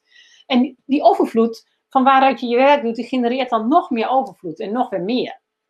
En als ik zacht werk, dan merken anderen dus ook aan mij. Dan ben ik heel energiek, maar ook plezierig energiek. Niet vanuit te veel stress en moeten, maar vanuit leuke plannen, leuke ideeën zien, mogelijkheden willen onderzoeken, uh, dingen uitzoeken. Hoe zit dat eigenlijk precies? Dan leer ik ook vaak heel snel, omdat ik me razendsnel verdiep in het thema, zonder dat het moet of zonder dat het uh, me forceert. Hè. Hier heb ik een corvée van nee, ik moet dat kinderboek schrijven en dan moet ik heel goed in schrijven worden. Maar ja, ik ben niet vanaf mijn zestiende al heel veel aan het schrijven, dus dat kan niet meer. En bovendien ben ik daar veel te oud voor. En dan heb je allemaal dat soort gedachten in die hardwerkenmodus en in die zachtwerkenmodus. Zeg nou, het lijkt me gewoon heel leuk om dit voorjaar een kinderboek te schrijven. En of het uitgegeven wordt en groot wordt, dat weet ik helemaal niet. Dat hoeft ook helemaal niet. Maar ik kan daar wel met heel veel plezier aan werken. En ik kan bijvoorbeeld wel leren hoe je goed wat een aantal goede schrijftechnieken zijn. En ik kan oefenen op die technieken toepassen. En vanuit die zacht werken modus, dan is het s'avonds acht uur. En denk ik, ook, ik heb zin om nog even een half uurtje aan mijn boek te werken. Nog even twee of drie alinea's herschrijven. En dat gebeurt dan heel erg vanuit overvloed en ook puur plezier. En dus als ik zacht werk, dan merken anderen ook dat ik heel veel plezier heb, creativiteit, ideeën, energie. En van binnen ervaar ik dan ook een rust. Er hoeft niks. Maar ik wil het omdat het gewoon te leuk is om niet te doen. En het grappige is dan dat leuke, dat laat me dan ook zo op, daar heb ik zoveel plezier in, um, dat ik s'avonds ook vaak heel uitgerust ga slapen in plaats van moe. En dan moet ik er wel aan denken dat ik dan op tijd ga slapen, want vanuit die eh, stressmodus ga ik uitgeput slapen. En vanuit die zacht werken modus moet ik leren dat ik energiek ga slapen, dan ga ik op tijd naar bed. En het grappige is dat ik dan s ochtends ook heel energiek wakker word. En weer heel veel energie heb voor een nieuwe dag. En dat is wel iets waar ik op moet letten als ik zacht werk. Dat ik s'avonds energiek ga slapen en dan niet door blijf gaan tot ik heel moe word. Want dat is eigenlijk mijn hard werken ploetermodus. Nou, ik zie ook nog leuke reacties in de chat van jullie. Um, Corneille zegt, zacht werken is voor mij absoluut zonder wilskracht. En uh, zegt, zacht werken is geen wekker. even buiten frisse neus, neus, lucht snuiven. kijken hoe de tuin het maakt vandaag. Precies, tijd nemen voor een gezond ontbijt. Nou, om negen of tien uur starten. He, doen wat voor mij die dag goed voelt, voor zover dat kan. plannen naar mijn gevoel dus. En ga het even niet aan rust nemen. En dan kan ik vaak lang doorgaan zonder moe te worden. En dan voel ik dankbaarheid voor mijn leven. Precies, he, dan, dat ervaar je van binnen dus ook heel anders. En ik kan me voorstellen als je een baan hebt, dat je zegt, ja, en negen of tien uur starten, dat kan al helemaal niet in mijn werk. Nee, dat hoeft dan ook niet. Maar ook dan kun je er wel voor zorgen van hoe ga ik dan wel mijn dag starten vanuit overvloed. En bijvoorbeeld als je, stel dat je, jij om acht uur op je werk moet zijn. En uh, ja, je moet een kwartiertje fietsen naar je werk. Dan moet je om kwart voor acht van je werk weg. Of van huis weg. Sta je om zeven uur op. Dan moet je heel gauw douchen, ontbijten, aankleden. Uh, op de fiets om kwart voor acht. Uh, naar je werk. Als je kinderen hebt, heb je soms nog meer tijd nodig. En dan um, kan zo'n ochtendritueel kan heel stressvol zijn. Rennen, rennen, rennen. Nou, wat een hele mooie uitvinding is, dat is de Miracle Morning. En dat is, je staat een uur eerder op. Dus in plaats van zeven uur sta je zes uur op, of half zeven. En in dat halve uur pak je niet je telefoon, die ligt weg. Maar je gaat iets doen wat je elke ochtend graag wil doen. Je gaat bijvoorbeeld opstaan en eerst een kwartiertje mediteren en een kwartiertje buiten wandelen. Dus je hebt twee kwartiertjes extra aan je dag om iets leuks te doen waar je anders niet aan toe komt. Er zijn mensen die een uur eerder opstaan en zeggen, nou ik ga dan mediteren en aan een boek schrijven. Of ik ga een boek lezen. Ik heb een boek voor persoonlijke ontwikkeling of een boek wat ik leuk vind. En ik ga elke ochtend voordat ik naar mijn werk ga, ga ik eerst dat doen. Zodat ik ook op mijn werk fris en uitgerust en blij aankom. En dat betekent ook dat je op een gegeven moment s'avonds wat eerder naar bed gaat. Maar ook dat je dus s'avonds niet in die hardwerken zombie-modus blijft hangen. Maar lekker energiek een paar leuke dingen doet. Misschien wel je ontbijt voor de volgende ochtend en je lunch voor de volgende dag vast in alle rust klaarmaakt en klaarzet. Zodat je die volgende ochtend weer vanuit zacht werken kunt starten. En uh, een hele leuke hierin is dus ook voor jezelf om te gaan ontdekken van wat kan mijn ochtendritueel worden? Wat kan mijn ochtendritueel worden voor een krachtige start van de dag? En dan maakt het niet uit of je hè, als ZZP'er zelf je tijd kunt indelen of dat je een baan hebt of vroeg moet beginnen. En je kunt in alle gevallen kun je zelf zorgen voor een ochtendritueel waarin jij s ochtends de overvloed ervaart. Dat kan ook iets kleins zijn. Hè? Dat kan iets zijn van vijf of tien minuten. En ook daarin, hè, als je zegt van nou, ik kan in een kwartiertje naar mijn werk fietsen en ik fiets op kwart voor acht van huis weg, kun je ook gaan zeggen ik ga om vijf over half acht van huis weg. Want ik hou van die rust in de stad en dan weet ik dat ik een blokje om kan fietsen. Of dan kan ik even door het mooie park. Hè, en dan kan ik even rustig uh, naar een paar tuintjes kijken die ik onderweg tegenkom. En op die manier kan ik met heel veel plezier en naar mijn, naar mijn werk fietsen en kom ik daar ontspannen aan. En dan start je dag ook alweer heel anders. En Margriet zegt ook vanuit zacht werken, ik ben dan rustig. Ik heb intense contacten en ik leef vanuit mijn contact met mijn intuïtie. Dat is een, hele mooie dat je dat zegt. Want je ziet inderdaad ook dat je um, vanuit hard werken, met die focus, raak je absoluut je contact met je intuïtie kwijt. En dan ben je zo gefocust op je taken en je werk en isolement. En voor je intuïtie heb je die zacht werken modus nodig. Die brede blik, die ontspanning, ook die afstemming met je fysieke lichaam. En in hard werken raak je ook vaak die afstemming met je lichaam kwijt. Waardoor je ook die signalen van je intuïtie kwijtraakt. En waardoor je dus eigenlijk een hele grote bron van wijsheid in je werk gaat buitensluiten. Terwijl als je zacht werkt en wat ontspannender werkt, voel je die bron van wijsheid. En ik voel dan ook heel vaak van nu niet doen. Stoppen. Niet doen. Terwijl mijn hardwerken modus, die wil dus alles nu doen en veel doen. Nou, ik moet deze week een, eh, een, een, een, eh, belangrijke workshop geven voor eh, een groot bedrijf, een internationaal team wereldwijd. En vorige week wilde ik daar de twee presentaties voor afmaken. Zodat het allemaal ruim op tijd klaar zou zijn. Nou, prima, had ik de hele woensdag voor. En de hele woensdag zijn mijn gevoel niet doen, niet doen, niet doen. Nou, ja, wat dan wel doen? Ik ben inmiddels zover dat ik dus niet ga ploeteren, zweten, zwoegen. Maar in de zacht werken modus naar mijn lichaam luisteren. Wat zijn mijn lichaam? Ga maar naar je tuinhuisje kantoor. Nou, wat doe ik dan?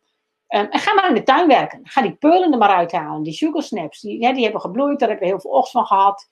Dat stuk mag eruit. Oké. Vul die grond maar aan met compost. Oké. Ja, maar ik moet nog aan die presentatie. Nee, compost aanvullen. Oké, zal ik er dan nu nieuwe plantjes in zetten? Nee, niet doen. dacht ik, oh ja, dat is ook logisch, want die compost is beter om even een paar dagen te laten liggen. Dan regent het, dan wordt het even wat warm en koud. En dan kan ik beter in het weekend de plantjes in gaan zetten en die compost wat meer doorscheppen. En toen zei mijn lichaam, ga maar een middagdutje doen, je bent moe. Dus ik heb een middagdutje gedaan. En die hele woensdag heb ik eigenlijk vrijwel niet gewerkt. In de avond wat mails verstuurd en wat kleine dingetjes gedaan. Toen zei mijn lichaam, eerst stop maar, ga maar lekker boek lezen. Nou ja, ik werd er helemaal dol van. Maar mijn intuïtie was heel duidelijk. Donderdag eh, begon ik in het bos, naar de boswachter geweest. Daar heerlijk gewerkt, lekker gespit, fysiek bezig geweest. Op een moment, redelijk in het begin van de middag, ben ik naar huis gegaan. En toen ging ik zitten. En ik uh, bladerde wat dingetjes door voor die presentatie, die ik nog helemaal moest maken. En ik denk, nou ja, ik heb van het weekend ook wel tijd, dan moet ik er van het weekend maar mee doorpakken. Ik ging donderdagmiddag zitten om vier uur. En om kwart over vijf was een groot deel van het verhaal was af. En, maar dat, dat is dus die zacht werken modus. Dan heb ik op woensdag zo bijgetankt. En ontspannen en brede blik gehad. Dat ik dan op donderdag, dan zie ik ook de prioriteiten. En dan kan ik razendsnel een goed verhaal in elkaar zetten. Terwijl als ik dat op woensdag vanuit die hard werken modus had gedaan dan ken ik mezelf. Dan wordt zo'n verhaal veel te lang, veel te groot, wil ik er veel te veel inkroppen, wordt zo'n workshop gestrest en gehaast. En dan klopt die energie veel minder. Dus ik weet inmiddels zo goed dat ik vanuit die intuïtie, en zoals Margriet ook schrijft, veel beter zie wat de hoofdlijnen zijn. En dan hoef ik ook veel minder te doen. Mijn hardwerken valkuil is echt dat ik veel te veel ga doen. En veel te veel blijven rennen en vliegen. Nou, Leuke les voor jezelf. Als het goed is, heb je ook voor jezelf meegedacht van wat is voor mij hard werken, wat is voor mij zacht werken. Wat ik je dan wil vragen is van, ga nou de komende dag, vandaag en de komende week ook eens kijken van, als ik nou wat minder wil hard werken en wat meer wil zacht werken, en dat, dat, dat, dat doe je niet in één keer, dat doe je in kleine stapjes. Dan ga je kijken, waar ga ik dan vandaag wat minder van doen?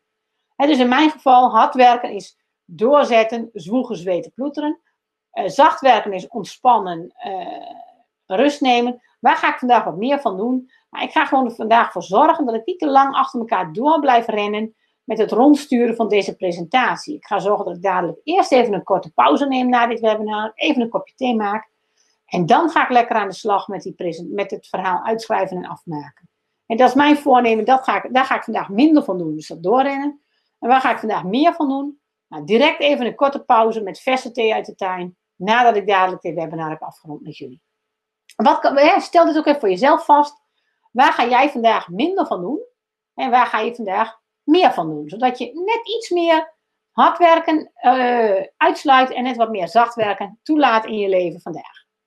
Wat heel belangrijk is om te beseffen, dat zacht werken, dat doe je niet in één keer. Zacht werken is echt een pad wat je afgaat, een, een, een weg die je gaat. Hè. Het is echt, daarom noem ik het ook die art of working soft. Het is echt de kunst van zacht werken die je gaat leren. En net zoals met lopen, lopen kon je ook niet in één keer. En dat heb je stapje voor stapje geleerd aan het handje van je moeder. En dat is met zacht werken ook. Zacht werken kun je ook niet in één keer. En zacht werken doe je ook stap voor stap, beetje bij beetje. En daarom zijn dit soort vragen zo belangrijk. En niet van waar stop ik nu in één keer voor goed mee. Nee, waar ga ik vandaag een beetje minder van doen? En waar ga ik vandaag een beetje meer van doen? En als je dat elke dag doet, al die kleine beetjes, dan gaat dat ontzettend veel uitmaken en ontzettend veel helpen op dat pad naar zacht werken. En dan ga je dat pad ontdekken.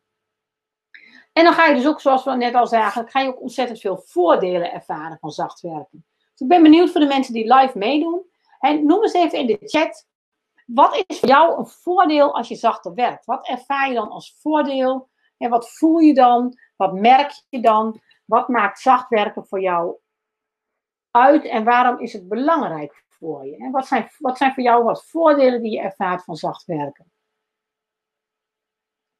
Ik had er net al een paar aangegeven. Voor mij is een voordeel van zacht werken bijvoorbeeld dat ik veel meer verbinding ervaar met de mensen om me heen. Dat mijn intuïtie het veel beter doet. Dat ik veel meer ben afgestemd op mijn intuïtie, op mijn lichaam. Ik voel bijvoorbeeld kleine pijntjes veel beter. Waardoor ik dan ook snel ontdek van, oh, ik moet even dit voedingssupplement nemen. Of ik moet even uh, die yoga-oefening weer een paar keer vaker doen. En dan zijn die pijntjes ook zo weer weg. Het worden dan geen chronische blessures. Hè, of chronische dingen waar ik in mijn werkdag last van heb. Nou, heeft een hele mooie, is ook een hele belangrijke. Die zegt van, zacht werken, dat vervult me. dat is precies, dan voel je die vervulling in je dag en in je werk en je leven. Je werk doet er ook toe. Je voelt enorm die zingeving. En je werk doet er niet alleen toe, maar jij doet er ook toe. En het grappige is dat dat dan soms ook kan zonder grootse meeslepende dingen. Je hoeft niet die, die, die wereldwijde grootste ondernemer te worden die het wint van de anderen. Nee, ook in die kleine dingen ervaar je dan die enorme vervulling. En um, zinvolheid van je werk. En plezier van je werk. En Margriet heeft een mooie die zegt, um, als ik zacht werk, dan kan ik als coach, kan, dan kan ik pas echt aanvoelen waar mijn cliënt behoefte aan heeft. Ja, heel herkenbaar. Als je zacht werkt, dan voel je de ander ook veel beter aan. En dan kun je ook veel beter aanvoelen um, wat die ander nodig heeft. En het grappige is dat je dat dan vaak ook met veel minder werk kunt leveren. En dan hoef je ook veel minder hard te werken, ook als coach. Ook bijvoorbeeld om de ander in beweging te krijgen. En, en om uh, die ander een mooie stap te laten zetten. Jantine zegt ook, dan ben ik veel meer in verbinding. En dan geniet ik veel meer van het leven. Anne zegt ook, ik geniet veel meer van alles. Ik neem makkelijke beslissingen. Hè, en ik heb meer overzicht. Precies, je hebt weer dat, hè, die brede blik, dat prioriteit stellen het voelen van de zin van het leven. En het ja, fascinerende is dus dat je, als je hard werkt, ben je dus vaak juist heel erg op jacht naar die dingen. En dan wil je vaak erkenning van je cliënten. Dan wil je vaak uh, die vervulling voelen, die zin van het leven voelen. En dan denk je dat te krijgen door meer te doen, door harder te rennen, door je adrenaline niveau verder op te jagen. Terwijl je al die dingen waar je dan zo hard naar op jacht bent in de buitenwereld, juist in je binnenwereld gaat vinden met zacht werken, met dat ontspannen. En met die connectie met jezelf voelen. En natuurlijk heb je dan ook af en toe wel eens een sprintje. Hè, zoals ik donderdag eind van de middag een sprintje had. En in dat sprintje zomaar die prachtige presentatie in hele korte tijd in elkaar had gezet. Maar bij mij is dat ook geen toeval meer. Ik weet dat als ik dan goed uitgerust ben en opgeladen ben en voldoende in de natuur ben geweest en met de natuur heb gewerkt, dan heb ik daarna in hele korte tijd een prachtige presentatie in elkaar gezet. En dan heb ik in hele korte tijd precies de essentie te pakken hè, van wat ik allemaal moet doen. En dan is dat helemaal niet meer moeten en stressvol. Dan gaat dat als vanzelf. En dan is dat ook gewoon heel makkelijk. En dan loopt het ook heel makkelijk. Hè, dat, dan is dat gewoon ook ontzettend leuk om te doen. En dan voel je die vervulling. En dan heb je daar ook heel veel plezier in. En dus dat, um, ja, dat is heel erg leuk om te ervaren. En dat, dat is ook heel mooi dat je dan ervaart van al die dingen waar je dan met het hardwerken zo naar op jacht bent. Die komen met het zachtwerken dan eigenlijk als vanzelf. En um, nou, dat is dus een, een tipje van de flyer als het gaat om zacht werken. Ik kan, ik kan hier nog heel veel meer over vertellen. Maar heel veel meer over te leren, dat ga ik nu niet doen. En daar is dat lange, uitgebreide zacht werken online programma van. met inmiddels elf uitgebreide modules, uh, werkboeken, oefeningen. En je zult ook wel zien dat bij deze webinarserie, in die podcastserie, zitten bewust heel weinig oefeningen. Want dit is heel erg bewust bedoeld als een kennismaking, als een introductie, als een inspiratie. En de echte transformatie, die zit hier niet in. Dit is veel meer uh, bedoeld als een bewustwording. En echte transformatie van de omslag maken, dingen veranderen in je leven. Ja, dat zit in mijn programma's en persoonlijke coaching. Dus als je daar meer van wil, daar is nog heel veel meer over. Mail me gerust op ellen.zachtwerken.nl. En dan bellen we samen en dan kijken we eens even welke stap jij zou willen zetten. En of ik je daarbij kan helpen en wat het beste past. En maar voor nu is het in ieder geval heel leuk om te, jou te laten realiseren van dat hard werken, dat ploeteren, zweten, zwoegen, dat hoeft helemaal niet. Het kan anders, het kan zachter.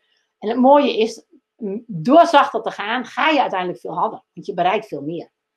En Jantine zegt ook, dan leef ik meer vanuit ingevingen, en vanuit impulsen. Maar dan wel de, zeg maar, de positieve impulsen. En niet de impuls van, oh, ik moet nu dit, ik moet nu dat. Maar inderdaad zo'n ingeving van, nou, doe nu maar eens even dit. Of doe nu maar eens even dat. Nou, dat was wat ik je vandaag over zacht werken wilde vertellen. Ik heb er nog één energieke mediatip bij. En dat is natuurlijk het boek Een zaak van zacht werken. Daarin leer je nog meer over zacht werken. over stappen zetten. Er zitten ook wat oefeningen in. Wil je nog, je kunt het boek via de bibliotheek aanvragen. Heeft je bibliotheek het niet, dan kun je ook bij je bibliotheek vragen of ze het willen kopen. En het is gewoon bij bol.com, elke boekhandel, bij amazon.com, op de Kindle te koop, 20 euro. Um, daarmee kun je al heel veel meer doen. En met het online programma kun je nog veel meer doen. Maar daar ga ik niet al te veel over zeggen, want dit was een gegarandeerd sales- en marketingvrij webinar. En anders wordt het veel te veel over de marketing van zacht werken. En daar gaat het helemaal niet om. Het gaat erom dat je ontdekt dat hard werken niet hoeft en dat het ook anders kan. Dat was de bedoeling van dit webinar. Nou, ik heb nog een hele leuke ingediende vraag. Vanochtend al gezegd, een leuke vraag van Mark. Daar wil ik nou nog even op ingaan. Mark die zegt, um, in marketingkringen hoor je dat je moet visualiseren, je doelhelder moet hebben en vooral groots moet dromen. Dat kun je doen vanuit schaarste of vanuit overvloed. Maar toch proef ik zoiets van dat er bijna in besloten ligt dat als je niet zo succesvol bent, dat je eigen schuld is. He, dan wil je het niet genoeg, heb ik eens een coach horen zeggen. Maar ik heb zelf vaak het probleem dat ik niet visionair ben. Want ik weet vaak niet wat ik wil. Nou, hier zit al een heel mooi stukje in, want het is inderdaad zeker niet zo dat als je niet succesvol bent, dat het dan je eigen schuld is. Want um, succesvol zijn is soms ook gewoon een beetje geluk hebben, hè, dingen aanvoelen, uh, dingen invoelen. En een grote vraag is bijvoorbeeld van wat is succesvol? Want ik ken een behoorlijk aantal mensen die voor de buitenwereld succesvol lijken. Met hun inkomen, met hun status, met hun aantal volgers. Maar die helemaal niet blij zijn. Die zich helemaal niet vervuld voelen. Die helemaal niet houden van hun werk of hun bedrijf. die, die, die dat in het begin wel leuk vonden. Maar op een gegeven moment toch in die malle molen van hard werken zijn beland. En vastklampen aan uiterlijk vertoon en uiterlijke schijn. En dan kan zo'n bedrijf heel erg vervelend voelen dus um, eerste belangrijke punt is om te beseffen dat succesvol zijn is iets heel anders dan een miljoenenbedrijf hebben. uh, een dochtertje van, uh, dochter van vrienden van ons, inmiddels begin twintig, die is ontzettend begaan met mensen, ook heel invoelend. Ze had op de crash al dat als een jongetje ziek was op de crash, dan ging ze ernaast zitten, was ze twee, drie, en hield ze het handje vast van zo'n kindje, want ze voelde dat zo'n kindje zich niet lekker voelde. En dat, dat, dat, dat is gewoon wie zij is. Nou, dat is geen wonder dat zij nu in de zorg werkt. En daar ook gewoon ontzettend succesvol is. Niet als directeur van een zorginstituut, maar gewoon als verpleegkundige aan het bed. Die heel goed invoelt wat mensen nodig heeft. Die hele leuke gesprekken heeft met haar cliënten. in een uh, revalidatiekliniek, die daar soms maandenlang liggen. Nou, je kunt je voorstellen hoe ontzettend fijn het is als je daar zulke verpleegkundigen aan je bed hebt. En zij is dus waanzinnig succesvol in haar werk. Maar niet in de zin van uh, een topsalaris en uh, een grote, groot huis, maar in de zin van ontzettend voldaan over haar werken. Zinvol, eh, zinvol werk doen, belangrijk werk doen. En bij, bijdragen in de maatschappij, daar zelf plezier in hebben. En dus ik denk, uh, een eerste puntje in jouw mailmarkt is al dat, wat is succesvol? Is succesvol de buitenwereld maatstaven van uh, materialisme? Of is succesvol dat je voldaan voelt en gelukkig bent met jezelf en je leven en de mensen met wie je werkt? Nou, ik vind dat dat de belangrijkste maatstaf voor succes is. En dan is het natuurlijk ook wel makkelijk zeggen van hè, mensen die niet succesvol zijn, die niet zo blij zijn met hun leven en ook niet zoveel geld verdienen, zeggen dan van ja, het gaat niet om geld en uh, hè, geld is de, bron van alle kwaad. Hè. Nou, dat vind ik ook te makkelijk, hè, want uh, geld is ook heel fijn. Het is ook heel fijn als je genoeg geld hebt. Maar genoeg geld, dat hoeft zeker niet een miljoenenbedrijf te zijn. Ik heb regelmatig cliënten gehad die heel blij zijn met een bedrijf met een winst van een inkomen van 1000 euro per maand of 2000 euro per maand. Die zeggen, dat is voor mij meer dan genoeg als ik dat kan verdienen. En gezien onze levenssituatie, het huis dat ik heb, het inkomen dat mijn partner heeft, de kinderen die de deur al uit zijn, joh, dat is voor mij meer dan genoeg. Ik heb ook regelmatig creatieve mensen die bijvoorbeeld heel graag meer publiek willen bereiken. Die hoeven helemaal niet per se heel veel geld te verdienen, maar die zeggen: joh, ik kan zo mooi zingen.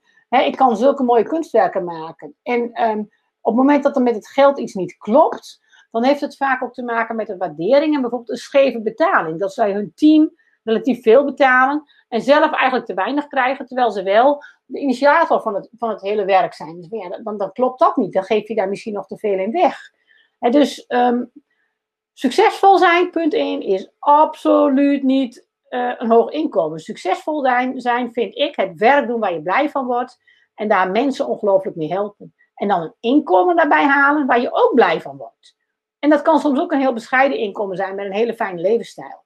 Ik, ik merk op het moment ook van, ik hoef helemaal niet meer zo'n heel hoog inkomen. Ik wil wel graag in dit huis blijven wonen. En ik wil onze hypotheek over tien jaar helemaal afgelost hebben. Dat we gewoon hypotheekvrij hier wonen. En als het kan, misschien nog wel eerder. Maar ik word ook heel blij van ochtends in mijn korte broek op blote voeten naar buiten kunnen. En niet om negen uur in, in dat grote kantoor hoeven te zitten, elke dag. Af en toe wel, vind ik wel prima. Dus succesvol zijn heeft ook te maken met ehm, in je binnenwereld ontdekken, waar word ik gelukkig van? En wat maakt mij heel blij? En dan in de zon een kinderboek lezen, dat maakt mij veel blijer dan in een uh, hele dagen in vergaderingen zitten. En uh, daar in een baan met veel status en aanzien, terwijl ik de hele dag binnen zit en de zon amper voel. Of de regen, of de wind. um, dus dat ten eerste. Wat is succes, succesvol? Wat ik wel zie is dat um, veel mensen zijn inderdaad bezig ook nog met visualiseren van doelen. En uh, die doelen bereiken. En zeggen van ja, mensen zeggen dan, ja, als je dat niet bereikt, is het je eigen schuld. Je wilt het niet genoeg. Dat is soms wel waar. Want wat ik namelijk ook wel eens zie, is dat mensen buitenwerelddoelen gaan visualiseren. dat deed ik natuurlijk ook. Ik ben ook bezig met van, goh, ik wil wel eens een miljoenenbedrijf. Dat lijkt me fantastisch. En dan ging ik zo'n doel visualiseren. Maar eigenlijk, diep van binnen mijn ziel, die wilde dat helemaal niet. Ik vind een miljoenenbedrijf helemaal niet belangrijk.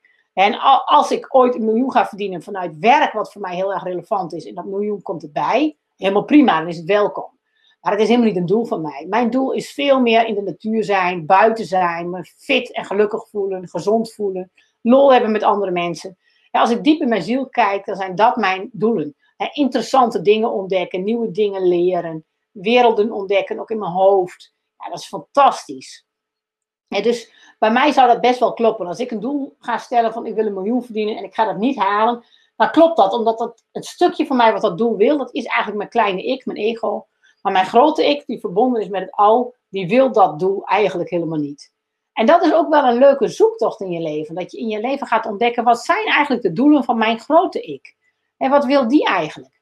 En waar wordt die heel blij van? En um, waar ben ik te veel de kleine ik die hecht aan status, zekerheid, soms ook, hè? Niet, niet alleen status, maar ook zekerheid, erkenning van anderen, uh, goedkeuring van anderen. En waar streef ik dan eigenlijk nog naar de verkeerde doelen, de doelen die helemaal niet zo bij mijn grote ik passen?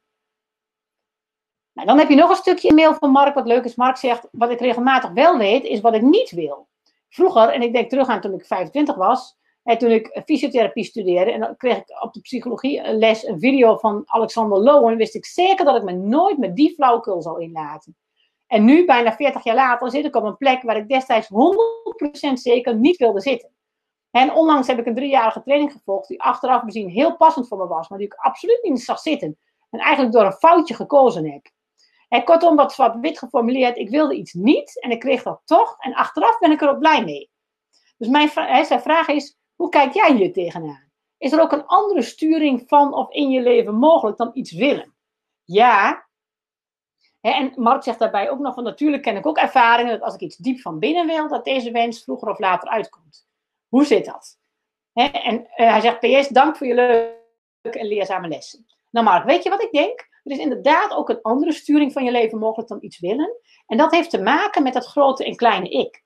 Want ehm, ik heb zelf ervaren dat als ik iets wil vanuit mijn kleine ik, hè, dus het ego-denken, status, uh, aanzien, zekerheid, veiligheid, erkenning van anderen. Als ik iets vanuit dat soort motieven wil, dan krijg ik dat niet altijd. Want dat zijn kleine ik-wensen. Als ik iets vanuit mijn grote ik wil, en mijn grote ik, dat is mijn authentieke ik, die is verbonden met het al, dat is als het ware mijn, hè, mijn wat echt bij mij past, wat niet gaat om status of aanzien, maar waar ik echt van binnen blij van word. Maar ik word bijvoorbeeld heel blij van kinderboeken lezen. En ook van zo'n kinderboek schrijven. En ik merk ook bijvoorbeeld dat ik nu zo'n kinderboek aan het schrijven ben, dat ik ook heel veel uh, signaaltjes en seintjes krijg. En dat heel vaak dingen op mijn pad komen. En dus als ik, uh, op dit moment is mijn kinderboek in concept af. En ik heb een uitgeverij op het oog waar ik het heel graag uitgegeven zou willen hebben. Dan denk ik van ja, weet je, eigenlijk, ja, die uitgeverij, daar las ik vroeger veel van. Maar die geeft nu natuurlijk hele andere boeken uit. Eigenlijk moet ik eens even wat boeken van nu lezen van die uitgeverij. Nou ja, dan ga ik naar de bibliotheek en dan staat daar prominent op de plank zo'n boek van die, van die uitgeverij van nu. En denk ik, oh, die neem ik mee. En als ik dan op die stap inga, dan vind ik prompt ook nog, nog zo'n boek van diezelfde uitgeverij in een boekenkastje bij mij om de hoek. En hè, af gisteren, afgelopen zondag, ging ik een rondje. Mijn gevoel zei van, god, loop even langs dat boekenkastje daar bij de scouting. En dan staat er prompt weer zo'n boek van die uitgeverij. En dus dan krijg ik vanuit mijn grote ik heel veel signaaltjes. En niet van, dat boek komt daaruit, maar oké, als jij zoals die uitgeverij wil leren schrijven en je wil daar zelf bewust moeite voor doen, en dat hoort er ook vaak bij, je wil daar actie voor nemen, je wil daar jezelf in oefenen, je hebt er plezier in om te leren, om te ontdekken hoe die schrijvers schrijven, en hoe de zinsopbouw zit, hoe de scènes zijn geschreven, hoe de alinea's zijn, hoe de hoofdstukken zijn, wat thema's er worden aangesneden, en je wil dat verdiepen, nou dan breng ik die dingen wel op je pad. Dus ik denk dat um, die sturing in je leven, die komt heel erg vanuit grote ik. En grote ik is per definitie meer dan jij met je kleine ik-brein kunt verzinnen. En sterker nog, soms voel je intuïtief al wel aan dat iets bij je past of iets voor je is, maar wil je daar met je uh, kleine ik-brein nog niet aan. En dat is te onzeker, dat is te spannend, dat, dat, hè, dat kan helemaal niet. Je kleine ik wil je daartegen beschermen. En dan komt er een enorme strijd tussen kleine ik en grote ik in je hoofd.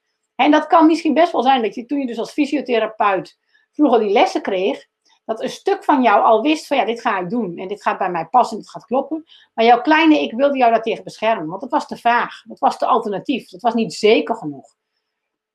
En wat interessant is, is om bij jezelf te gaan uitzoeken van welke uh, valse motieven heeft mijn kleine ik vaak. Want kleine ik, het zijn eigenlijk niet echt valse motieven. Kleine ik bedoelt het goed. Het kleine ik wil met zijn beperkte mogelijkheden van rationeel denken en denken binnen het bekende, wilde jou beschermen tegen de grote boze buitenwereld. En kleine ik, die snapt intuïtie ook niet zo heel goed en die connectie met het al. En dat vindt hij maar eng en spannend. En kleine ik wil vooral op de ratio varen. En um, het kan dus best zijn dat jouw kleine ik, hè, als fysiotherapeut destijds, jou dus gewoon wilde beschermen tegen die vage dingen, die eigenlijk heel goed bij jou pasten. En waarom, wat je zelf kunt afvragen, is waarom wil kleine ik jou beschermen? Wat is het um, valse motief dat kleine ik vaak pakt? Bij mij pakt kleine ik vaak het motief van veiligheid, terwijl ik eigenlijk heel erg hou van avontuur en vrijheid. Maar kleine ik wil mij beschermen als het gaat om geld met veiligheid. Dus mijn kleine ik die is heel erg bang voor te weinig geld. Want dat voelt onveilig en dat voelt uh, spannend. Terwijl mijn grote ik, mijn echte ik, houdt best wel van avontuur en spanning en afwisseling en een heel ander leven leiden. Dus mijn grote ik uh, zou eigenlijk helemaal niet zoveel moeite moeten hebben met weinig geld en onzekerheid in geld. En uh, die kan daar uitstekend mee omgaan. En het grappige is dat, dat, dat dus in mijn kleine ik zit daar een verkrampingje. Mijn kleine ik vind dat heel vervelend. En daarom wil mijn kleine ik dus ook graag dat miljoenenbedrijf. Want dan heb ik die zekerheid van de vrijheid. Nee, want als ik een miljoenenbedrijf heb, heb ik genoeg geld om te doen wat ik wil. Terwijl ik eigenlijk door dat miljoenenbedrijf juist helemaal niet kan doen wat ik wil. Want ik ben de hele dag gefocust op een miljoenenbedrijf. Ik heb helemaal niet meer vrijheid. Dus zo um, gaat kleine ik dan een beetje uh, met je aan de haal. En bij mij zit, dat, zit kleine ik dus heel erg op vrijheid. Daar zit die verkramping. Maar bij andere mensen kan het ook op andere motieven zitten. Hè? Wat ik al aangaf. Bij sommige mensen zit dat heel erg op erkenning van uh, de buitenwereld. Hè? Van uh, status en aanzien. Hè? Ik wil gewaardeerd worden. Ik wil respect. Maar bij, dat is een, beetje wat mannelijke erkenning. Hè? De, statuserkenning. De wat meer vrouwelijke erkenning is de erkenning van ik, ik wil erbij horen. Ik wil dat ze me aardig vinden. Ik wil dat ze me lief vinden. En daarom kan het kleine ik ook overbeschermend worden. Op, je, op, op, de, op dat soort motieven. En andere mensen kunnen wel een motief hebben van ja, ik wil erbij horen, ehm, ik wil aardig gevonden worden, ik wil bijzonder zijn. Kan ook zo'n motief zijn. Ik wil heel bijzonder zijn.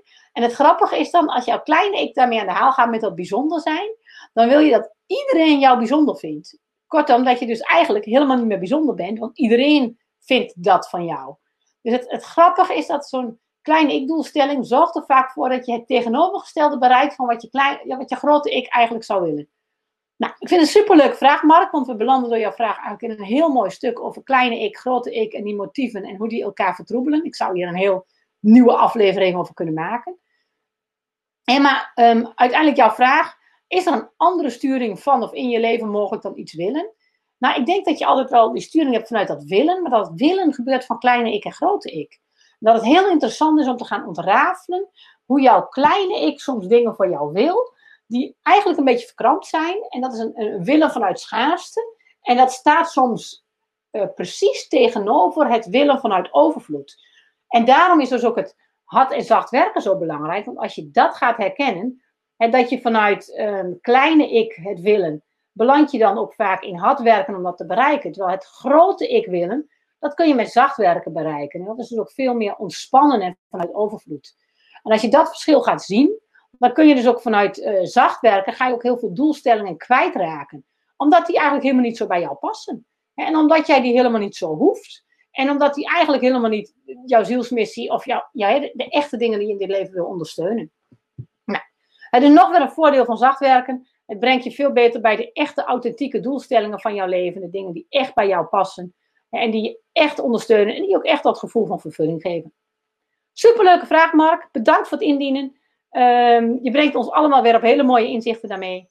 En met die vraag ga ik dit webinar voor nu afronden. Deze aflevering van de Zaak van Energie. En heb je live meegeluisterd? Je krijgt vanzelf de link naar de opname.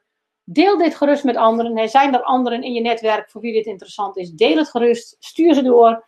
Ehm, stuur opnames door. Eh, deel de link met ze. Het mag allemaal. Het is gratis beschikbaar. Juist om heel veel mensen hiervan te laten genieten. Wil je volgende week weer meedoen? Heb je zelf een vraag? Dien die gerust in. Ik ben dol op jullie vragen. Het brengt mij ook vaak weer op hele mooie gedachten. dus heb je vragen? Mail me gerust. Uiterlijk zondag om 8 uur. Dan eh, neem ik die vraag maandagochtend mee. En dan wens ik jullie allemaal een hele fijne week. Vol prachtige, fijne energie. Vol mooie dingen. Vol overvloed. En natuurlijk boordevol zacht werken. Maak er wat moois van allemaal. Geniet van je week. En uh, heel veel succes met alles. Hoi hoi.